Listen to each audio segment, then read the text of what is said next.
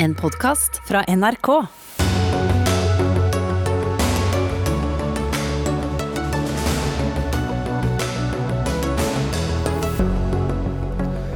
Barn og unge blir ikke psykisk sykere, men stadig mer fornøyd med livet, mener tidligere underdirektør, underdirektør i Folkehelsa.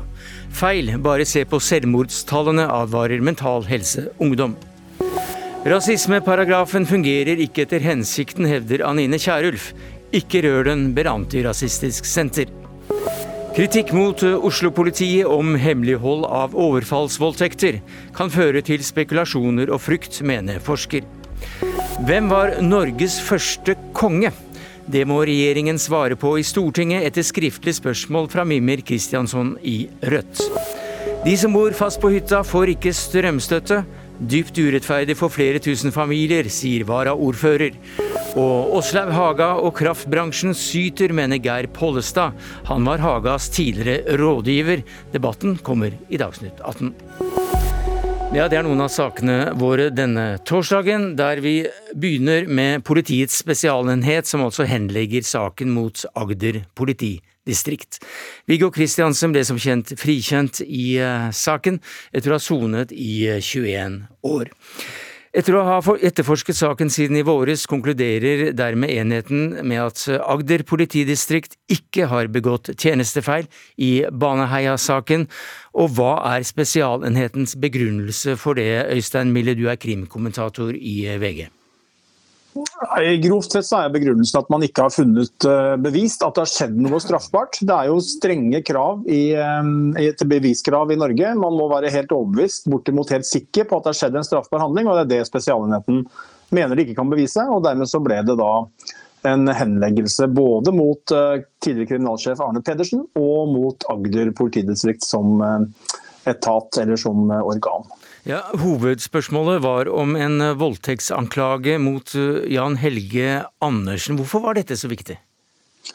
Det var svært viktig. Eh, fordi at eh, på det tidspunktet, man, eller i alle år, så har det vært fremstilt at Jan Helge Andersen har vært en etterdilter og en som ikke har hatt noe rulleblad. og som ikke kan ha gjort dette alene.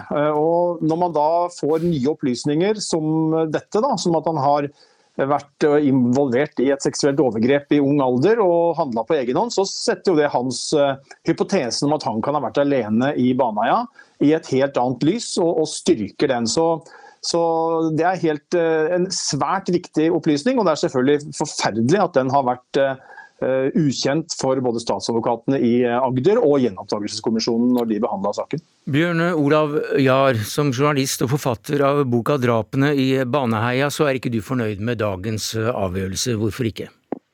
Nei, jeg synes dette var et klart skritt tilbake. Jeg tenker Fredagen var veldig gledelig med Riksadvokatens eh, grundige redegjørelse for hvorfor Viggo Kristiansen måtte bli frifunnet. Og nå kommer dette her hvor, hvor man jo eh, ikke velger å, å, å tiltale politiet for, eh, for tjenesteforsømmelse. Og, og jeg syns det er veldig rart, fordi, fordi denne denne avgjørelsen, her, her, blir jo kriminalsjefen trodd på at han ikke skal ha husket denne anmeldelsen på Jan Helge Andersen. og det er klart at Når den anmeldelsen er kom, så må den ha kommet som en bombe på Agder politidistrikt. Eh, og Nå sier han at han ikke husker, og det ble han trodd på. Eh, så, så, jeg tenker at, eh, og jeg synes det er veldig merkelig hvordan denne avgjørelsen her, voldtektsanmeldelsen også har vært skjermet hos politiet. altså Hva annet er det enn for å hemmeligholde den. Så jeg tenker at jeg syns Spesialenheten virker veldig lite nysgjerrige og veldig lite opptatt av å faktisk etterforske hva som har skjedd her. Og dermed så slipper også kriminalsjef Arne Pedersen og Agder politidistrikt billig unna. Hva sier du til det, kriminalkommentator i VG Øystein Millie? Nei, det er jo grunn til å stille spørsmål ved hvorfor disse informasjonen ikke har kommet frem tidligere. Og så er det nok litt sånn at Skjerma saker det, det forekommer, og det har jo som formål at ikke alle i politiet skal vite alt. og Så se at man nå skal ettergå hvorfor denne saken var skjerma, og også se på rutinene rundt det. Jeg ser at politimesteren eh, melder at hensynet til personvern og at få skulle vite om en, denne sensitive saken, som den jo var den gangen den oppsto, lenge før Baneheia eller når den ble ført etter Baneheia-saken, så, så, er det det opp mot at flere politifolk skal vite. og det er klart at Når vi kjenner svaret her, og vi vet dette, hvilken betydning dette ville hatt, så er det jo ikke vanskelig å si at dette er jo ja, det er, det er, Man kan ikke si hvor sterkt beklagelig det er at denne informasjonen aldri nådde de som, som behandla saken i siste instans, både statsadvokatene og, og i kommisjonen. Ja, uh, Jar, hva mener du kunne ha kommet fram hvis man hadde da uh, gått til sak mot politikammeret? Ja, altså det, det, som er, det, som er, alvorlig her, er jo at, uh, at denne opplysningen om voldtektsanmeldelsen kom allerede i 2009. og Dermed så burde jo både statsadvokat og Gjenopptakelseskommisjonen vært orientert om det. Nettopp fordi man hele tiden har hevdet fra politiets side at Jan Helge Andersen ikke har det i seg å kunne utføre noe som dette her alene. Altså Her har man jo tydelig en, en sak hvor det viser at han skal ha begått et seksuelt overgrep alene. Eh, og I 2019 da statsadvokaten svarte på siste gjenopptakelseskommisjonens begjæringen fra, fra, forsvarerne, så skriver de at de ikke er kjent med noe forhold hvor Jan Helge Andersen har opptrådt truende eller seksuelt uh, trakasserende overfor noen mennesker, uh, eh, verken barn eller voksne.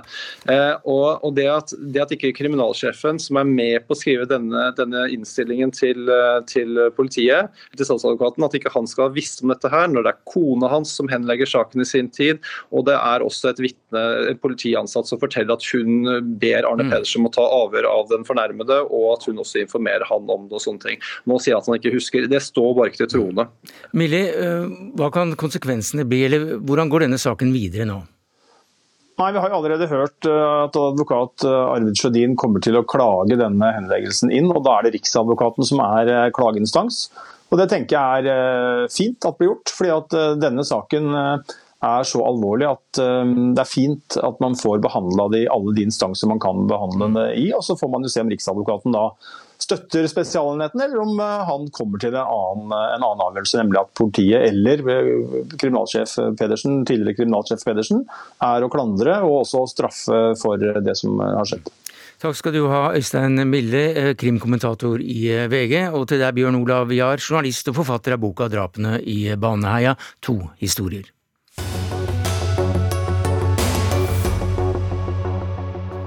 Så til um, hvordan det står til med de unges psykiske helse, for det er det en viss uenighet om, faktisk. For slik du ser det, Arne Holte, så, um, så står det ikke så verst til. Du er professor emeritus i helsepsykologi. Vi er vant til at det fremstilles som det går verre og verre, men du hevder at det har atskillig lysere sider også. Hvordan kan du si det? Nei, jeg har gått gjennom alle undersøkelsene vi har på dette, og jeg mener at det finnes ingen evidens i det hele tatt for at uh, unge i Norge blir sykere og sykere. Og heller ikke voksne, for den saks skyld. Uh, det er en virkelighet uh, som eksisterer i media. Den eksisterer også blant forskere. Noen av landets dyktigste forskere som vi har her, inntar ofte dette synspunktet. og vi ser det også blant eh, eh, fagfolk, og særlig blant de som sitter i behandlingslinjen. Så dette er en myte. Eh, hvis vi, vi kan jo komme tilbake til enkeltundersøkelsene etter hvert, men det har ganske store konsekvenser for hvordan regjeringen nå kommer til å handle når de nå holder på å lage en ny opptrappingsplan på psykisk helse. Hvis de tror det, at uh, ungdommen vår blir sjukere og sjukere og sjukere, så, så, så, vil man jo bruke midlene helt galt. La meg bare bruke ett enkelt eksempel. I Unghund, som er helseundersøkelsen i Nord-Trøndelag, rettet mot ungdom, så er det altså 45% som har et høyt nivå av psykiske plager. Er det noen som tror på det? Se deg om i et klasserom. Er det annenhver en av dem som er syke? Nei. Mm. Nei. Du, Den organisasjonen har ikke vi eh, med oss eh, i dag, men vi har da med en av de fremste forskerne som du introduserte halvveis, nemlig Tilman von Sost. Du er professor i psykologi ved Universitetet i Oslo. Hva sier du til denne kritikken? Ja, nei, Jeg syns eh, jo dette er en veldig interessant diskusjon. Eh, og ehm, tenker her så, du er, så, du er, helt enig? Eh, jeg er ikke helt enig. Jeg syns Arne Holte her, du går litt langt i, i bare avskrive noen av de forskningsfunn som vi har. Um, kanskje det kommer til konklusjoner som vi kan enes om, men um, jeg kan jo gi et eksempel her. Uh, du sier jo bl.a. at uh, unge de blir stadig mer fornøyde med sitt eget liv, samtidig som de også rapporterer selv at de blir sykere og sykere, altså har mer psykiske mm. helseplager. Og det Jeg har, med, jeg har til og med satt et navn på det. Jeg har kalt det trivsels-sykelighetsparadokset. ja, du kalte det for et paradoks, Ja. og dette paradokset eksisterer dessverre ikke. Så det er, det er faktisk slik at uh, når vi ser på de undersøkelsene som er gjort på uh, hvor fornøyde ungdom er med sitt eget liv, så har, ser vi også en nedadgående tendens her. Ja, men det så det er ikke noe paradoks det at dette det her går fra Et øyeblikk, vi må nesten høre professoren Ja, snakke. så det er, um, um, det, er, det er ikke noe paradoks som vi snakker Mm. om her. Vi ser også en nedgang i skoletrivsel, vi ser en nedgang i hvor fornøyd ungdom og unge voksne er med sitt eget liv. Eh, så, så det er ikke sånn at eh, det, dette her eh, nødvendigvis bare er en effekt av um, Hallo, hvilket nivå ligger de på? De ligger skyhøyt oppe. Om du får en liten nedgang, ja vel, men de ligger skyhøyt oppe. Vi er oppe i 80, 85, 90% til del, som er fornøyd med de viktigste tingene i livet. Venner, skole, foreldre, ø, ø, ø, organisasjoner, fritidsaktiviteter osv. Det er kjempebra. Det er kjempebra. Det er jo kjempebra, også, men, men tenk deg nå at 15 er ikke fornøyde, og, dette og, og det blir flere av dem. Er, det er jo et, et tall som vi må ta på alvor. Vi må jo da også tenke oss litt om her, hva, hvorfor er det disse ungdommene her, hvorfor rapporterer de om eh, flere og flere plager? Ja. Eh, Det jeg har tatt tak i, er, det er ikke de viktigste tallene for meg. De viktigste tallene for meg er den økningen som jeg har hatt i psykiske plager, selvrapporterte, som vi får inn i både i Ungdata og som vi finner i, i uh, Unghund og i flere andre undersøkelser. Dette er ikke diagnosebaserte undersøkelser. Det er heller ikke undersøkelser av de personene det gjelder. Det er selvrapporterte. Dette er helt forenlig med to ting. Etter at Kjell Magne Bondevik, vår statsminister, ble deprimert i 1998, så har vi hatt en jevn økning i åpenhet. Og vi har i dag en åpenhet som vi aldri har sett maken til før. I Aftenposten så skriver unge hver eneste dag, om ikke hver uke, om psykiske helseutfordringer, som var ikke i 1998. Hvis vi ser på språkbruket, så er det endret. Det er ingen som er lei seg lenger. De er deprimerte. De er ikke redde. De har angst. Og lengter hjem, så har de separasjonsangst. Og skal de opp til eksamen, så har de panikkangst. Altså, og det, denne endringen i åpenhet og språkbruk forklarer fullt ut disse økningene mm. som vi finner i selvrapporterte mål. Adrian Lorentzen, du er kommunikasjonssjef i Mental Helse Ungdom, og du sitter jo og jobber tett med disse ungdommene som vi nå snakker om. Hva er din erfaring når det gjelder utviklingen? Min erfaring når det gjelder utviklingen er, stemmer ikke helt overens med det Arne sier. Jeg tror, jeg tror ikke Arne tar helt feil, men han har ikke rett. Det vi ser er jo at hvis vi ser på selvmordsproblematikken, så har jo selvmordene økt. På ti år så har det vært en 27 økning i hele befolkningen når det kommer til selvmord. De siste fire årene så har det vært en 30% økning i selvmord blant de aller yngste, der vi normalt ikke forventer selvmord i det hele tatt. Under 19. Under 19. Så eh, når, når, når, Arne sier at eh, måte vi ikke kan ta hensyn til Ungdata og Ung Hunt fordi det er, er selvrapporterte, så, så, så, avskriver han rett og slett unge sine egne opplevelser. Så selvrapporterte data betyr ikke bare fordi de er selvrapporterte, betyr, ikke at de ikke er gyldige. Og Det ser vi også i vår egen undersøkelse som vi gjorde i år, som heter Status ung. Så har vi eh, sett nærmere på vår målgruppe, og der ser vi at eh, 26% har oppgitt og forsøkt å ta sitt liv minst én gang. 13% har forsøkt å ta sitt liv minst eh, flere enn det. Og 8% har hatt minst ett selvmordsforsøk i løpet av pandemien. Det er altså en, en ganske, ganske voldsomme problem her, vi snakker om. Her blandes det sammen hummer og kanari. La meg først understreke at rundt halvparten av selvmordene som begås, de begås uten at det foreligger noen kjent psykisk lidelse. Dette er som oftest ganske ukjent, men det er helt andre forhold enn psykiske lidelser. Så man må ikke blande sammen selvmord og psykiske lidelser. Det er det ene. Det andre er at selvskading ikke nødvendigvis er relatert til selvmord. og selvskading kan være med eller uten selvmordsintensjon, og det er ganske vanskelig å avklare. Så jeg holder meg til det jeg har uttalt meg om. Jeg uttalt meg ikke om selvmord. Selvmord har ligget noenlunde stabilt i befolkningen over lang tid. Og nå har vi fått en, en nullvisjon for selvmord, men uten noe endepunkt for når det skal oppnås. Så, og vi har hatt selvmordsforebyggende planer i Norge siden 1993 og tallene har ligget noenlunde stabile. Det er riktig at det er noen økninger blant, blant unge. Men, men la, oss, la, oss, gå til psykiske lidelser. La oss gå til diagnoser og se hva vi har der. Har vi en eneste undersøkelse i Norge som viser økning i psykiske lidelser i Norge? Diagnoser? Mm. Nei. Ingen. Er det, er det riktig, Tilman von Soss? Jeg tror dette er faktisk feil spørsmål å stille. fordi uh, hvorvidt vi får f.eks. en økt uh, behandling av psykiske lidelser i Norge, er til stor grad, som du selv også påpeker, avhengig av uh, hvilke ressurser som finnes mm. i behandlingsapparatet. Så det hjelper oss ikke så veldig mye å spørre dette spørsmålet. Men jeg skulle bare si en ting her til. du sier at alt dette her kan forklares av en økt åpenhet rundt Nei, nei, nei. Det, det, sa du jo før i dag. Bare, nei, bare, bare si det fins alternative forklaringer. Ja. Og sånne forklaringer Vi kan tenke på den dramatiske økning i bruk av digitale medier. Mm. økte skolepresse og fokus på skole, at man skal lykkes der. Mm. Jeg mener ikke at økt åpenhet i, for psykiske lidelser og hvordan vi snakker om psykiske lidelser, ikke kan være en forklaring. Men jeg tror vi må, vi må ha et videre fokus. Det kan godt være at det er gyldige alternative forklaringer, men vi vet det ikke. Du kan godt spekulere om det, og det skal jeg gjerne være med deg på. Det er interessante hypoteser å stille, det er jeg helt med på.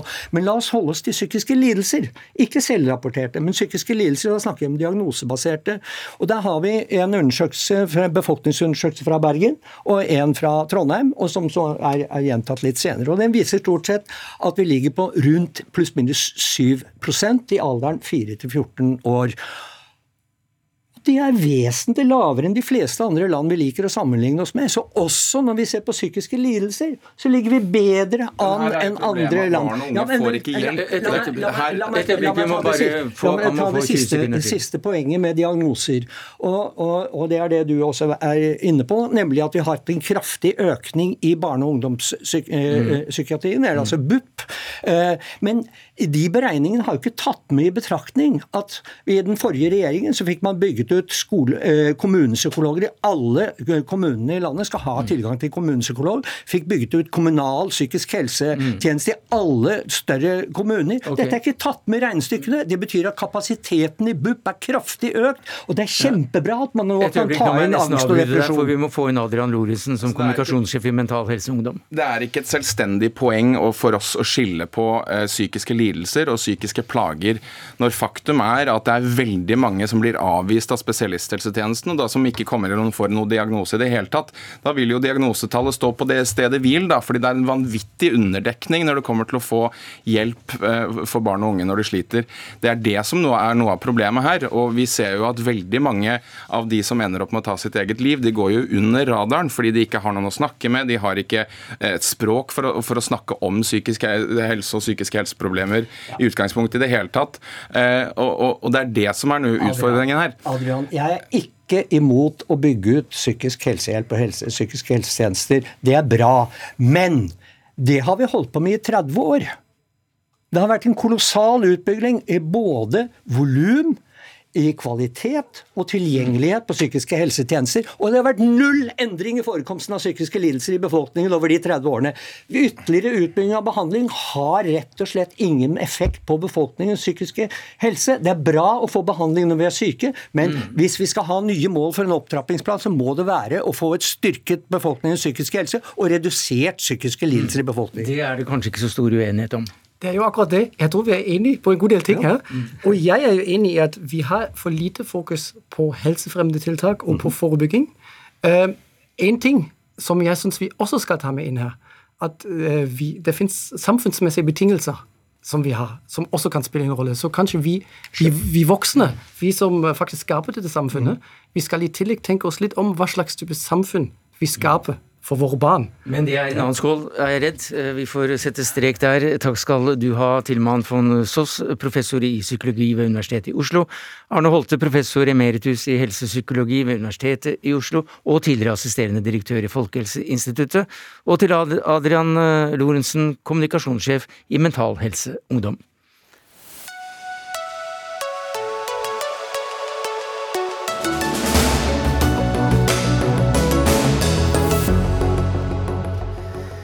Kraftbransjen samler eh, troppene. Norsk vindkraft og vannkraft har slått seg sammen og tar et kraftfullt oppgjør med regjeringens politikk. Det skrev VG i går.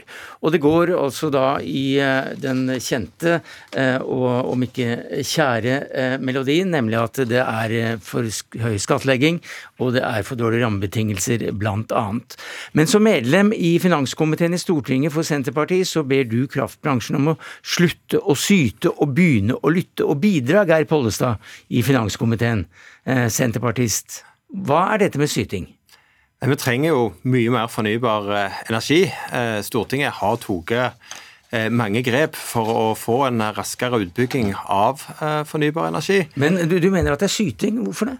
Jo, fordi at de sier at Stortinget har abdisert i energipolitikken, og det er jeg jo ikke enig i. Jeg, enig, jeg mener at eh, nå har vi nettopp eh, er i ferd med å få en energipolitikk der, en energipolitikk der en ikke eh, som en har gjort f.eks. i vindkraftbransjen i starten, så var det først ikke start, og så var det full gass, full stopp. Det vi gjør nå, det er at vi erkjenner at vindkraft er kontroversielt. Det vil være sånn at hvis mange utlendinger skal bygge vindkraft i Norge, så blir det lettere å få aksept hvis lokalsamfunnet får en del av verdiskapingen. En må se på måtene som en kjører konsesjonssystemet på. Og det er de tingene som vi jobber med nå, eh, som er en energipolitikk. Så jeg har trua på at vi har en energipolitikk nå som eh, vil eh, gi mer strøm. Og så er det enormt høye priser for tida. Og da er det naturlig at kraftbransjen er med og bidrar mer. Ja, øh, Jeg skal gi meg med akkurat den ordbruken som ble brukt, nemlig ordet syte, at den er kommet inn i debatten her. Men er dette syting? Ja, jeg synes jo det at eh, Fordi at eh, kraftprodusentene Det er jo ingen i Norge som tjener så mye penger for tida som kraftprodusentene. Vi har store ambisjoner for havvind som skal gjennomføres. Alle muligheter er åpne for kraftbransjen. Eh, og da tenker jeg Det å si at liksom Stortinget har abdisert, det tenker jeg er litt feil inngang. En må heller spørre seg hva kan vi bidra mm. med, og så må de også tåle den skatteregninga som kommer. Men det skal fortsatt være lønnsomt både å produsere vindkraft og vannkraft i Norge. Skyteren Åslaug Haga, velkommen til studio. Takk for det, administrerende direktør i Norvea. Også da en ny sammenslåing eh, i kraftbransjen også. Hva sier du til disse påstandene? Nei, Jeg sier først og fremst at det vi har tillatt oss å påpeke, det er at fornybarsatsinga i Norge går altfor sakte. Og det har ikke bare den sittende regjeringa skylda for, det har også den forrige regjeringa skylda for.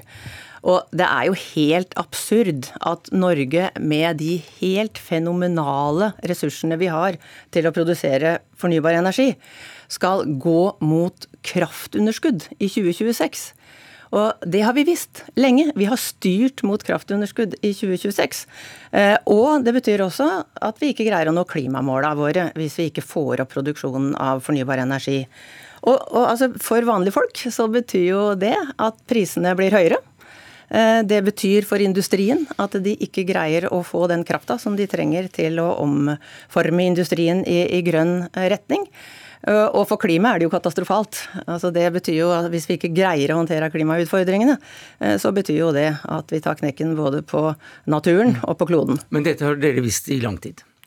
Ja, og det er derfor en har vært opptatt av å få bygd ut mer eh, fornybar energi. Gjort endringer i skattesystemet. Ikke bare tok inn mer skatt, men gjort det mer attraktivt å bygge ut. En får fortgang på konsesjonsbehandling. Det har jo vært stopp i f.eks. utbygging av eh, vindkraft. Eh, og Det var jo fordi at en ga for mye gass, og så kom det en folkelig motstand. Nå sier vi vi må tenke helt nytt rundt eh, utbygging av vindkraft. Hvis f.eks. en kommune sier nei, nei, da skal vi ikke bygge ut der. Blir det bygd ut, så skal lokalsamfunnet sitte igjen med en større del av verdiskapinga. Og òg hvis det er utenlandske eiere, så skal en sikre at det norske samfunnet får en større del av verdien. Og det er en energipolitikk. Ja, for du, du, du representerer en næring som ikke akkurat har vært veldig musikalsk når det gjelder um, kommunale ordninger og bygge akkurat der man ville? La meg først si at hvis vi skal greie å nå klimamåla våre, og ikke ende opp med kraftunderskudd i 2026, så må vi satse på alle teknologiene. Da må vi satse på vind og sol og vann og hele pakka. Jo, men Da må dere også satse på å få kommunene og, og folkene i kommunene med dere når dere skal bygge ut eh, vindkraft på land f.eks. Absolutt. For vind er nå den billigste formen for kraft vi kan bygge ut, og hvor vi kan gjøre det raskest. Og så langt men, har vel ikke det vært tilfellet? Nei, men du, la meg si, altså vi er, bransjen er 200% enig i det Geir eh, Pollestad sier. Nemlig at det har vært store svakheter ved det gamle konsesjonssystemet. Og det er det jo fint om Stortinget også tar inn over seg, for det er dere som har bestemt konsesjonsregimet. Og vi mener jo da at ja, vi må få opp den lokale forankringen. Det skal vi gjøre gjennom bl.a. å anvende plan- og bygningsloven. Og det hadde vært kjempefint om regjeringa nå hadde greid å få den saken ut på høring, sånn at kommunene kunne vite hva de skal forholde seg til. Det hadde vært kjempebra eh, om vi nå kunne ha fått til en endelig avklaring på hvordan naturhensyn skal tas eh, bedre. Og vi er altså 210% enig i at næringa skal bidra med mye mer lokalt enn det den har gjort. Pollestad, eh, du var jo eh, rådgiver for Åslaug Haga da hun var eh, sjefen i Olje- og energidepartementet. Eh, Hva har skjedd siden det, da? Jeg mener at dere er ikke så enige nå som dere tilsynelatende var den gang. da gjorde jeg som sjefen sa, så det var greit. Men, nei, men altså, vi fikk jo fart på utbygging av fornybar energi i Norge, eh, så det skjedde jo. Eh, og det, var De grønne sertifikatene kom, har utløst mange prosjekt. Men så er det jo det at samfunnet blir mer og mer elektrisk. Og der har vi jo en kjempeutfordring, både med å øke strømproduksjonen, og så må vi også ta diskusjonen hva vi bruker strømmen vår på. For vi må bruke strømmen i Norge på ting som skaper arbeidsplasser og verdiskaping. Og jeg, jeg lovet å ikke holde på dere lenger, for at dere er på vei til et eller annet eh, stevne. eh, iført eh, kjole og hvitt og i galla begge to, så muligens en slottsmiddag på gang. Takk skal dere ha for at dere kom til Dagsnytt 18.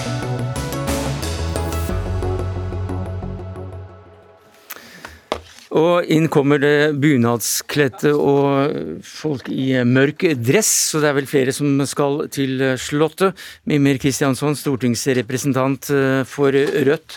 Du har stilt regjeringen et skriftlig spørsmål og forlanger svar i Stortinget på hvem som var Norges første konge. Hvorfor det? Grunnen til det er at eh, regjeringen eh, i Hurdalsplattformen løfter fram feiringen av Stiklestad 2030, som er en veldig sentral del av kulturarven. Og det såkalte nasjonaljubileet på Stiklestad, som altså er 1000-årsmarkeringen av at Olav Haraldsson, Olav Digre, ble drept. Det er da ramma inn som en feiring av at Norge har bestått som et rike i 1000 år. Men eh, den kongen vi skal på besøk til seinere, meg og Kjersti i kveld, han er jo Harald den femte. Og den som var Harald den første, var jo Harald Hårfagre, som samla Norge til ett rike på slaget ved. Ja, er det noe tvil om det, da? Det er jo tvil om det når eh, vi er i gang med å ha et nasjonaljubileum der vi skal feire Norge i 1000 år i 2030. Da er Norge altså 1158 år gammelt, og ikke 1000. Kjersti Toppe, barne- og familieminister, har du ikke lest din Snorre? jo. Eh, jo, jeg eh, har selvsagt det, og vi er jo eh, enige om at eh, Harald Hårfagre og slaget ved Hafrsfjord er, er viktig. Hvor, ma hvor mange år siden er det Norge ble samlet i et rike? Nei, altså det er jo, Vi vet når slaget ved Hafrsfjord var, sånn cirka iallfall. Eh, men det er nå òg slik at det er en del diskusjon blant historikerne om det er slik at det var én konge og ett år, vi kan si, når eh, Norge ble samla til ett eh, rike. Når det gjelder den plattformen som, som blir vist til, som eh, er nasjonaljubileet, så er jo en der veldig tydelig på at en ikke snakker om eh, når Norge ble samla til ett eh, rike. En snakker om en, når Norge ble danna til ett rike. Og det er det ulike, uh, ulike hendelser som førte til. Det var en prosess uh, der bl.a. slaget ved Hafrsfjord uh, førte jo til eh, dette. Og det òg ble en videre prosess etterpå. Slaget på Stiklestad. Altså først til det vi er enige om, så er jeg helt enig at dette er en prosess. Og jeg er også enig om at det er sikkert mange man kunne ha feira eh, 2024. Det er tusenårsjubileet for kristenretten på Moster. Man kunne feira jubileet for Magnus Lagerbøs landslov. Man feirer jo disse jubileene òg. Man kunne kalt alt dette for nasjonaljubileet av Norges begynnelse. Skal man være veldig sånn streng, så kunne man sagt at Norge blir ikke et land i sin nåværende form før i 1905, hvis du skal ha med hele Nord-Norge og alt. Men vi har nå en gang bestemt oss for dette Hafrsfjord-rikssamlingen. Eh, Og vi feira 1000-årsjubileum for Hafrsfjord i 1872 med pomp og prakt. Reiste Haraldsdøtter i Haugesund, et monument Stortinget eier. På 1100-årsjubileet for Hafrsfjord så kom kong Olav til Hafrsfjord og avdekka en bauta. Og noen år senere så, så avdekka han det monumentet som heter Sverd i fjell. Og denne forskjellen mellom når Norge ble samla til et rike og når Norge ble danna til et rike, den føler jeg at man nesten må være spinndoktor for å tro på, for å være helt ærlig. Jeg eh, tenker at uh, Mimmi Kristiansand kan lese uh, den plattformen som nasjonaljubileet uh, bygger på. Og når han viser til Moster og kristenretten, at det burde vært ett jubileum, så er jo det en del av eh, jubileet som da er etter Stiklestad. Fordi at hvert år frem til 1030 så er det valgt ut ulike tema der en nettopp tar opp ulike hendelser, ulike viktige ting. Men, men, men et øyeblikk, Unnskyld at jeg mm. avbryter deg, men er det så viktig å skille mellom at Norge ble dannet og Norge ble samlet? Og så, Nei, for meg hva, hva, ikke det der. Hva, hva, hva er vitsen? som kritiserer dette her, da. Jeg er jo veldig trygg på den plattformen, og den har stor oppslutning. Og jeg trenger ikke lage konflikter. Jeg kan anerkjenne Hafrsfjord, jeg kan komme på besøk til Hafrsfjord hvis det er det som er poenget. Og vi kan ta dette med òg uh, i det som skal skje framover. Det tenker jeg er helt naturlig. Jeg er opptatt av at vi skal kjenne våre konger og vår historie. Men det som er med Stiklestad, som en ikke kommer utenom, det er jo det at det, det var en veldig symbolsterk handling eh, og hendelse i norsk historie som har forma rike Norge både, både politisk, religiøst, mm. kulturelt og rettslig. Og eh, blant annet er jo riksvåpenet vårt det har jo på en måte Olavsøkse i i altså, mm. løver. Så, så, så, det er jo det vi markerer. Og vi skal måtte lære av det, og vi skal forstå det, men òg få det inn i vår tid. Og det er det som er hele ideen. Jeg jeg må nesten få inn Kristiansson igjen. For eh, du reagerer også på at ingen møtte til den lokale 1150-årsmarkeringen for slaget ved Hafrsfjord. Ja, altså I Rogaland så er jo, er jo, spør jo folk seg om folk har, eh, har bare glemt dette Hafrsfjord-greiene. fordi at i år så har man feira et 1150-årsjubileum. Og jeg skal være den første til å innrømme at 1150 år det er ikke det rundeste tallet i boka. Så at ikke hele Norge sto stille i hele året, det skjønner jeg. Men en Men, minister eller to kunne kanskje? Ja, og det var flust og flust av arrangementer. Dette er jo forrige regjeringen som skal ta ansvar for faktisk, men det var flust og flust av arrangementer og greier. Mm. Og det kom ingen. Og man opplevde da, og, og, det er riktig som du sier, det er en jubileumsstafett fram mot 2030, men det skal nok kulminere i at Norge har bestått som rike i 1000 år. Og Hafrsfjordmiljøet vil jo ikke være med i den jubileumsstafetten, for de føler jo at de er i ferd med å bli fratatt sin rikssamling. Så det er noen ekte konflikter, mm. men jeg forstår ikke at man ikke bare kan feire Olav den er hellige, da, hvis man vil det, på Stiklestad, framfor å feire Norge i tusen år. For akkurat det, det blir feil. Også argumenter for og imot som kan splitte hele Norge, Tore Skeie. Du er historiker og forfatter, skrevet bok av Hvitekrist om Olav Haraldsson og hans tid. Hva sier du til denne pågående debatten? Nei, jeg vet ikke helt hva jeg skal si. Jeg syns det, eh, det, er en litt underlig debatt, og veldig gammeldags debatt. altså eh, den baserer seg liksom på sånn 1800-talls historieskriving, der norgeshistorien kunne oppsummeres i noen årstall og noen store slag, noen konger som enten vant eller tapte store slag. Mens historiefaget har jo bevega seg veldig mye lenger eh, siden den gang. Jo men, jo men, det er vel ikke helt uten interesse hvem som samlet, eller hvordan Norge, eller hvordan Norge ble dannet? Nei, men altså hele perspektivet om at altså Et land blir jo ikke til ved at noen vinner et slag på et bestemt tidspunkt, eller, at, eh, eller en sånn type enkelthendelse. Det er jo en gradvis, veldig langsom prosess som har å gjøre med, med veldig mye. Så det perspektivet er jo veldig sånn eventyraktig og veldig forenkla. Altså, sannheten er at hvis man skal prøve å se tilbake i tid til 800-tallet og prøve å forestille seg hvordan det var i Norge og enkeltmennesker og begivenheter da, så ser man inn i en slags, eh, slags tåkelandskap av legender og eventyr som, som uh, historikere ikke lenger uh, anser som historie, men som litteratur. Mm. Eh, og tradisjon fra senere i middelalderen, så å bruke det til å feste nasjonens opprinnelse, det blir, det blir jo litt, litt, litt ja. merkelig. Ok, Kristiansson, hva sier du til det? Nei, Ut ifra en sånn eh, historiefaglig innfallsvinkel så er jeg 100 enig med Tore Skeie. Det er gammeldags å løfte fram konger og årstall, og det gjelder både 1030 og 872. Men dette er jo ikke bare noe historiefaglig. Dette er jo noen felles nasjonale ritualer som vi har valgt, akkurat som vi feirer Jesu fødselsdag en dag. Selv om det er tvilsomt at det var den dagen. Eh, sånn at vi velger oss jo noen ritualer, noen øyeblikk der vi feirer, markerer vår historie, utforsker vår historie. Og vi har altså valgt oss slaget ved Hafrsfjord, Harald Hårfagre. Og Det er det òg historisk mye dekning for. Blant annet så er jo Olav Haraldsson sjøl, et av hans krav til tronen er jo nettopp et slektskap med Harald Hårfagre. Og det, det kongerekka våre nummerert etter, som sagt. Så det er dette jeg syns er litt rart å gjøre om på. Eh, og det er det jeg opplever at skjer i den eh, Stiklestad-plattformen, ved at Norge da skal ha bestått i 1000 år eh, i 2030, når det er 1158 år gammelt. Blir dette et tema under middagen hos kongen? Ja, vi må jo spørre kongen kan han mener, selvfølgelig. Det er jo han som får avgjøre dette til slutt, da.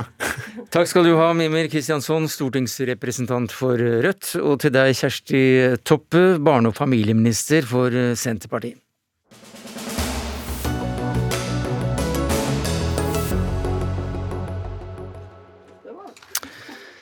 Vi skal ha mer åpenhet eh, om overfallsvoldtekter. Det er iallfall et eh, krav fra folk som jobber med disse sakene som forskere. Oslo-politiet har nemlig måttet tåle mye kritikk for at overfallsvoldtekter eh, hemmeligholdes overfor mediene. Når Oslo-politiet får meldinger om overfallsvoldtekter, velger de i aller fleste tilfeller å ikke rapportere dem fortløpende. Det har vi nettopp fått vite av Oslo-politiet i dag. Og dette kan være uheldig, mener du Harald Bekkelund, du er forsker ved Nasjonalt kunnskapssenter om vold og traumatisk stress. Hvorfor er det så viktig at politiet går ut i mediene og informerer om overfallsvoldtekter? Altså jeg tenker at Det er to ting som jeg tenker er viktige når vi snakker om dette. her. Ehm, og For det første eh, så, så, så, tenker jeg det er viktig at befolkningen får god og presis informasjon om ulike farer som er der ute. Eh, det, er det noe som vi har lært, så er det at, at eh, befolkningen er jo vanlige mennesker. De er ganske gode til, hvis de får riktig og god og presis informasjon om, om, ting, så er de ganske gode til å vurdere fare, og de er ganske gode til å regulere frykten sin. Eh, sånn at Derfor er det viktig å, å komme ut med god informasjon for at folk ikke skal bli for redde. Men hvis man isteden tilbakeholder informasjon, eller, eller, i hvert fall dannes inntrykk at man tilbakeholder informasjon, så er det veldig sånn god grobunn for ulike skremmebilder konspirasjonsteorier, sånne ting, som kan gjøre folk mer redde.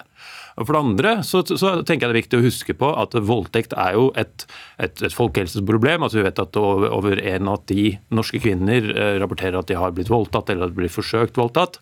Eh, eh, men det er jo fortsatt et, et tema som er ganske skjult, og det er ganske mye tabusering rundt det. Og, og, og vi vet jo at det er veldig, veldig mange som kvier seg for å fortelle det til noen, de kvier seg for å oppsøke behandlingsapparatet, og de kvier seg for å, for å anmelde til politiet. Og Derfor så tenker jeg at det er veldig viktig at, at det ikke danner seg et inntrykk hvert fall, av at politiet ønsker å unngå oppmerksomhet rundt voldtekt, eller ønsker å, å unngå at det blir mer, mer anmeldelser av voldtekt og sånne ting.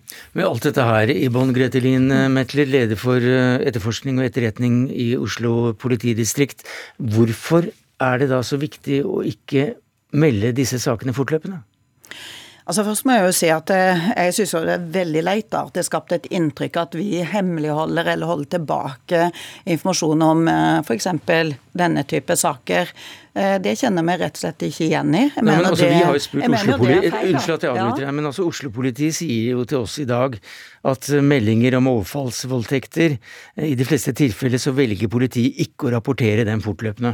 Nei, løpende. Det vil si, eh, som en journalist sa til meg, at vi rapporterer og sender ut på Twitter når politiet er på vei til en brann, f.eks. Og jeg tenker at det blir for enkelt å se for seg at vi allerede er på vei. Vi har fått melding om at noen forsøkte overfall, på f.eks. idet man skal låse inn hjemme, at vi da skulle rapportere liksom løpende med, på vei til en sånn sak. Det er noen dilemmaer i enkeltsaker som eh, er vanskelige for politiet. Vi har mange hensyn vi skal ta. Både eh, selvfølgelig personvernhensyn, hensyn til saken, men også skal vi ivareta også informasjon ut til publikum, eller de som bor i området, eller de som bor i byen.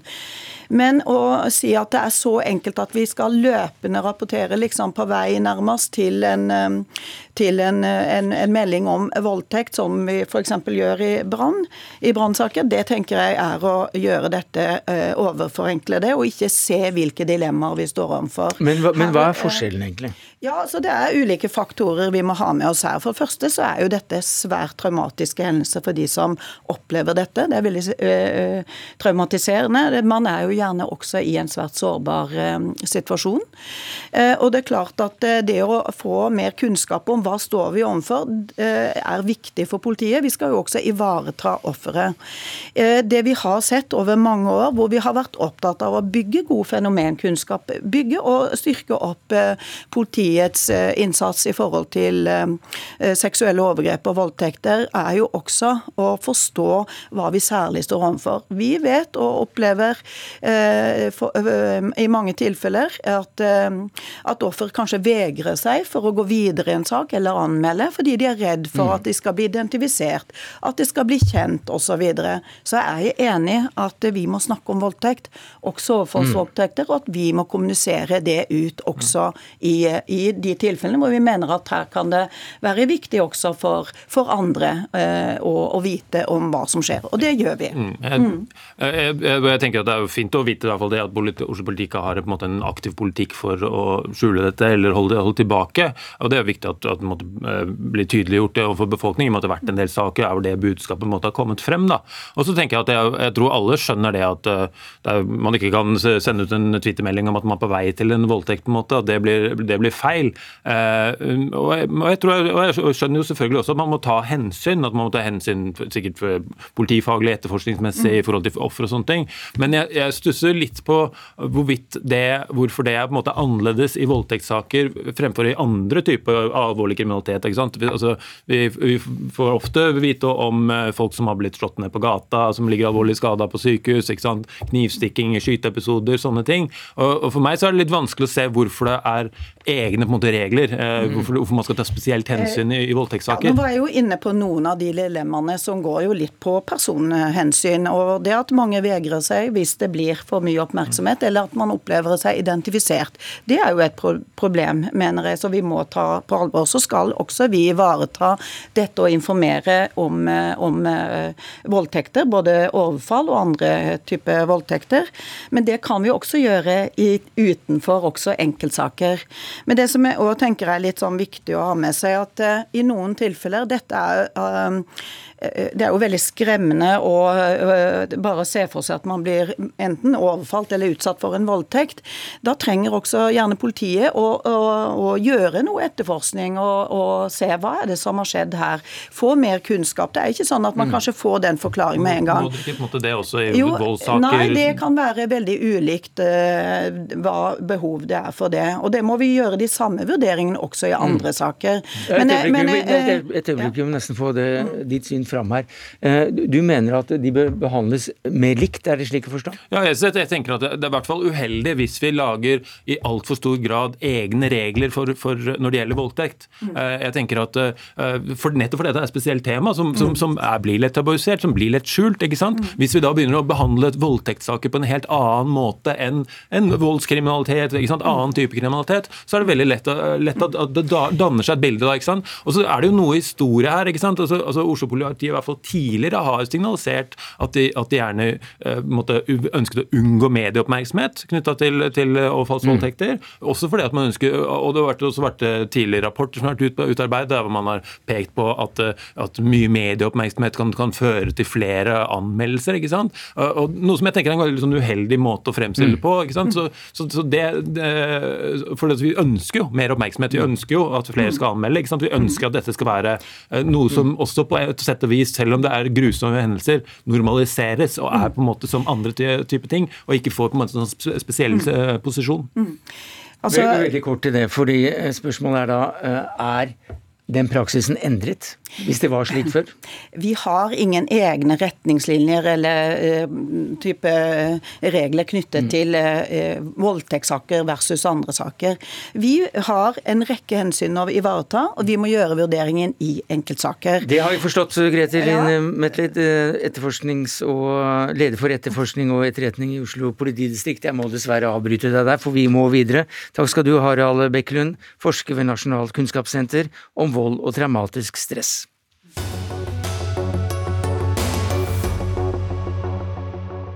For vi skal snakke om rasismeparagrafen som er under eh, press. Både justisministeren og stortingspolitikere skal være åpne for å endre denne loven om hatefulle ytringer, ifølge Klassekampen. Og også du mener at denne bør justeres eller ses på, Anine Kierulf. Du er førsteamanuensis ved Institutt for offentlig rett ved Universitetet i Oslo. Hvorfor det? Eh, dette er en bestemmelse som kom inn i straffeloven i 1970. Eh, den tar vare på noen eh, menneskerettslige forpliktelser vi har til å sikre mot hatefulle ytringer mot en, gruppe, en, del grupper minoriteter. Og den, bare, den gjelder bare ytringer som er fremsatt offentlig. For poenget med den bestemmelsen det er å hindre ikke den fæle følelsen ved å bli utsatt for hat direkte, men det hatet som kan oppstå hos andre mennesker, medlemmer av storsamfunnet, mot minoriteter som følge av ytringen. Eh, sånn ble den bestemmelsen praktisert frem til ca. 2012.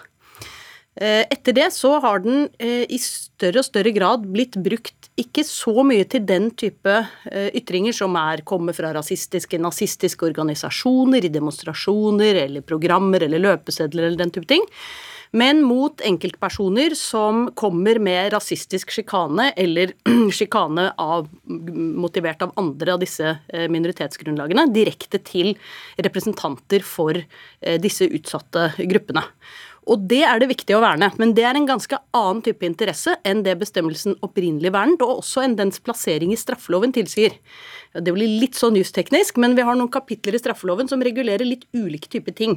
Denne står i kapitlet om til, eh, vern av den offentlige ro, orden og sikkerhet, altså et type samfunnsvern. Mens en del av de andre ytringsbegrensningene mot trusler, mot sjikane, mot privatlivskrenkelser og andre ting, de står i et kapittel som er til vern om den personlige frihet og fred. Denne bestemmelsen har på en måte utviklet seg litt nå, eh, fra det første til det andre. Hva sier du til det, Hatem Ben Masur, du er konstituert leder ved Antirasistisk Senter. For jeg ser at eh, i Klassekampen så sier du at forslaget er dårlig. Ja, eh, vi på Antirasistisk Senter mener jo da at dette treffer begge deler. At eh, ytringer rettet mot enkeltpersoner treffer også dette samfunnsvernet og har behov for et samfunnsvern. Ikke pga. den enkeltpersonens krenkede følelser, altså der har vi hensynsløs atferd, som du sier, men fordi det sprer seg. altså det Eh, desensifiserer befolkningen ved at man sier det. Altså disse ytringene, selv om det er få som hører det første gangen, blir stort sett delt i, altså i sosiale medier og lignende. Og vi ser jo også når det henlegges eller ytringer ikke sanksjoneres, at det jubles i kommentarfelt eh, både under nyhetsartikkelen, men også gjerne i grupper for høyreradikale, og at det da brukes igjen i det politiske. Så det utvider og skaper en aksept for det at man bruker det også i det offentlige rom. Ja, er, Jeg er helt enig i det, eh, og det er en viktig side her. Spørsmålet er om dette egentlig er like typer interesser likevel. Det er en grunn til at Ytringsfrihetskommisjonen nå har foreslått denne bestemmelsen endret. Det er både for å gjøre den litt mer pedagogisk, men det er også fordi den rammer egentlig, eller i hvert fall de sakene som kommer opp, det er ofte den type ytringer som, som du nevner her, som er absolutt er problematiske, men som kanskje ikke er den type farlige, samfunnsfarlige ytringer som denne bestemmelsen i utgangspunktet var ment å verne. Og dette aktualiserer jo egentlig et veldig vanskelig spørsmål, nemlig hva slags ytringer er egnet til å fremme et hat? Eh, og det er ikke så godt å si. Vi vet ikke helt hvordan ytringer virker i verden, og det er en av grunnene til at vi beskytter ytringsfriheten så sterkt som vi gjør. Ikke, bare, ikke fordi vi tror at alle ytringer er positive og bidrar til noe bra. Vi vet at det er en del som bidrar til noe dårlig, men da må vi på en måte se hvordan det virker.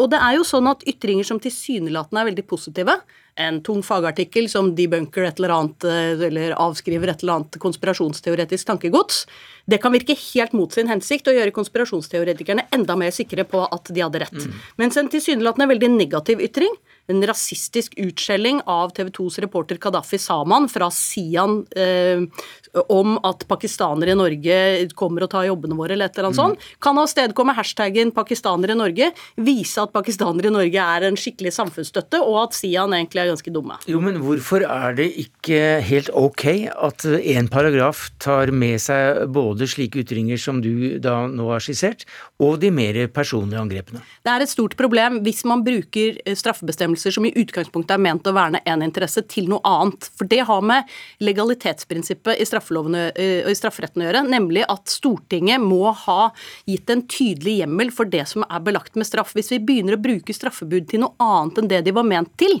så bryter mm. vi med dette prinsippet og bryter egentlig en helt sentral bestemmelse i Grunnloven. Men hva med å beholde da denne 135-paragrafen for mer institusjoner etc. etc. i det offentlige rom, og heller få en ny paragraf da som kan dekke det behovet som Antirasistisk Senter ser?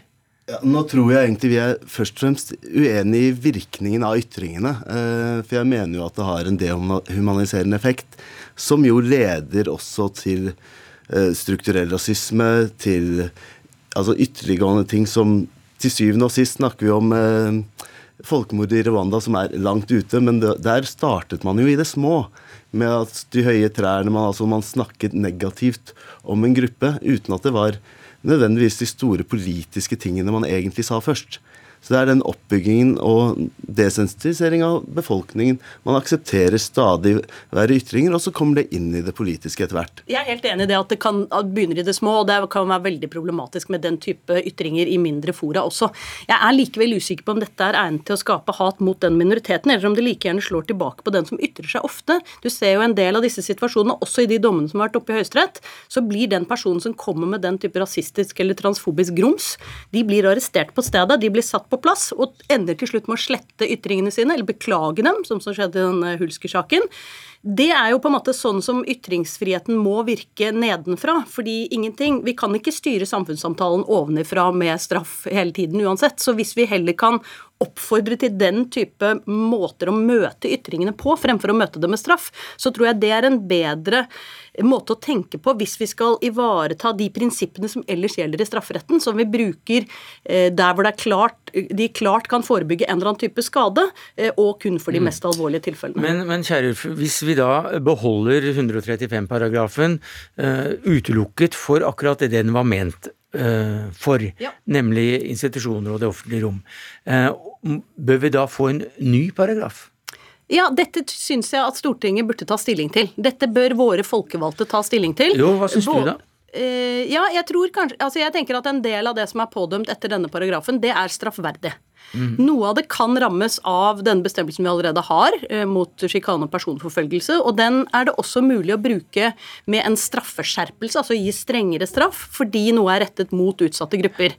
Eh, en, en, annen måte å tenke på er jo å lage et eget type straffebud for å fremheve noen av disse effektene som du er opptatt av særskilt. Jeg tenker at det er viktig at våre folkevalgte kommer inn og sier hva de mener om dette, for det er tross alt de som gir hjemmel for straff i landet. I dag så får de fri, for i dag er de på Slottet, men eh, takk skal du ha, Anine Kierulf, førsteamanuensis ved Institutt for offentlig rett, og til eh, deg, Hatem Ben Mansour, konstituert leder for Antirasistisk Senter.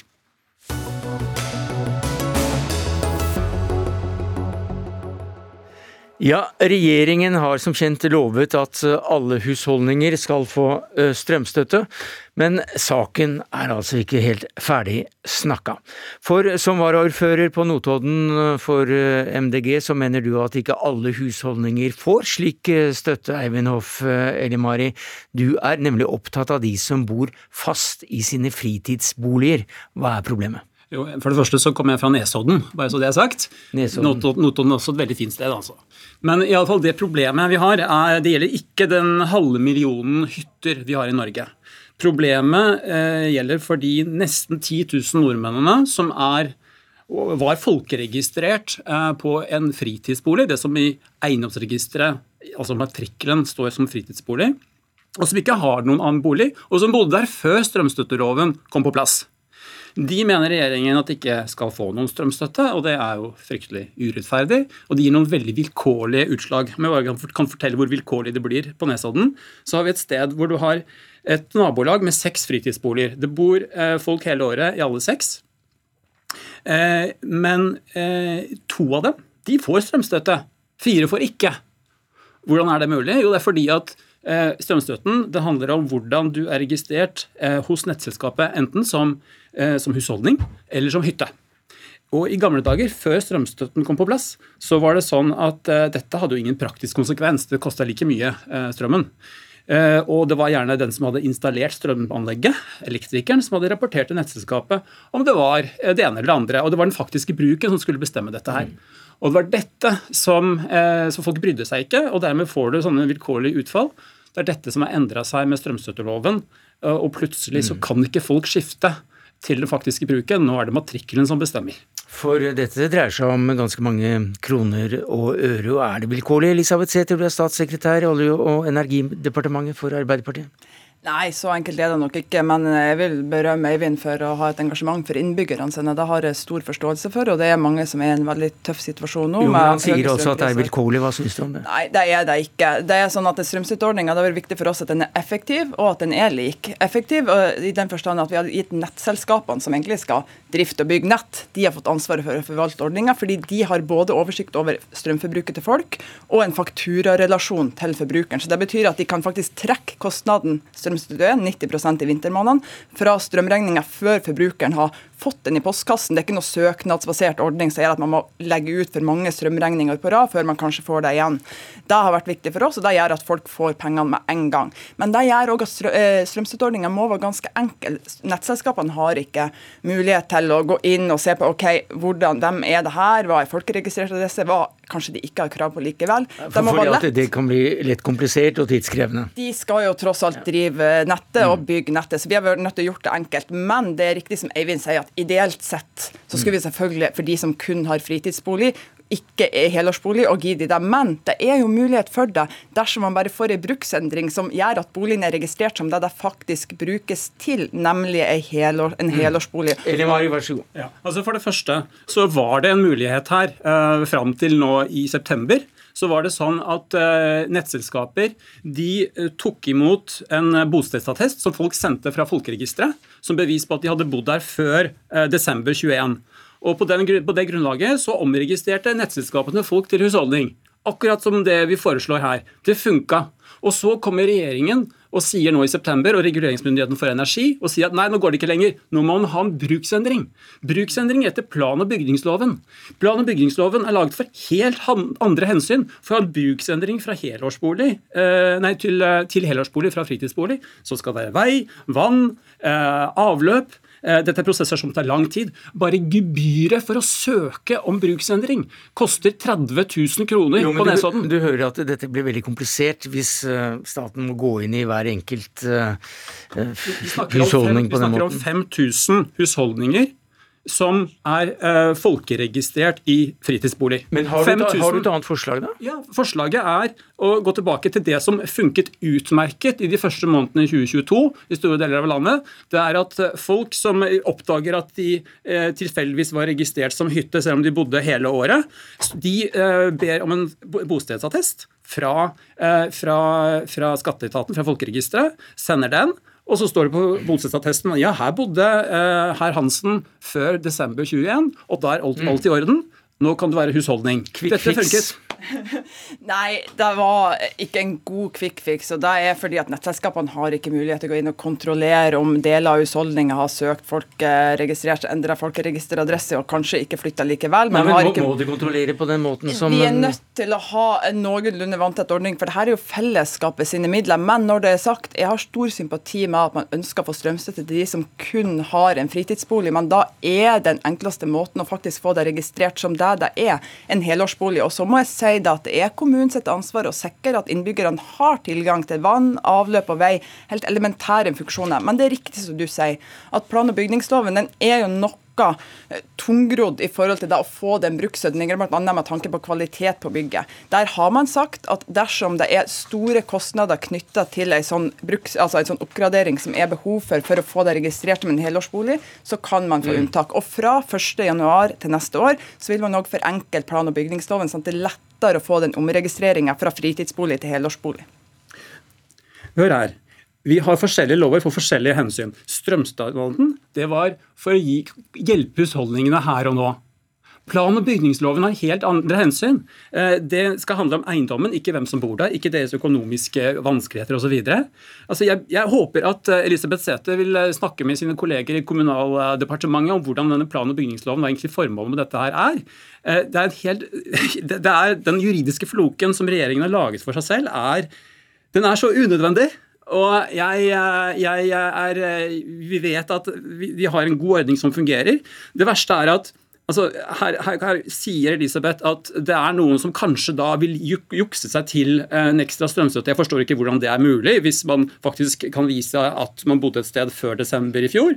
Og for det andre så sier regjeringen på, når det gjelder de som har en sekundærleilighet i, i Oslo f.eks., som de bruker av og til, de sier at de de kan, fortsatt, de kan faktisk få dobbelt strømstøtte. Det er greit, sier regjeringen. Men nå får ikke regjeringen si mer, for uh, nå er det slutt for uh, Dagsnytt 18. Takk skal du ha, Eivind uh, Hoff Elimari, varaordfører i Nesodden.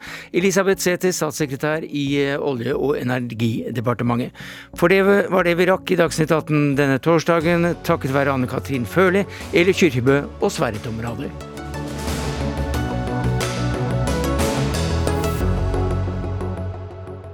Du har hørt en podkast fra NRK. Hør flere podkaster og din NRK-kanal i appen NRK Radio.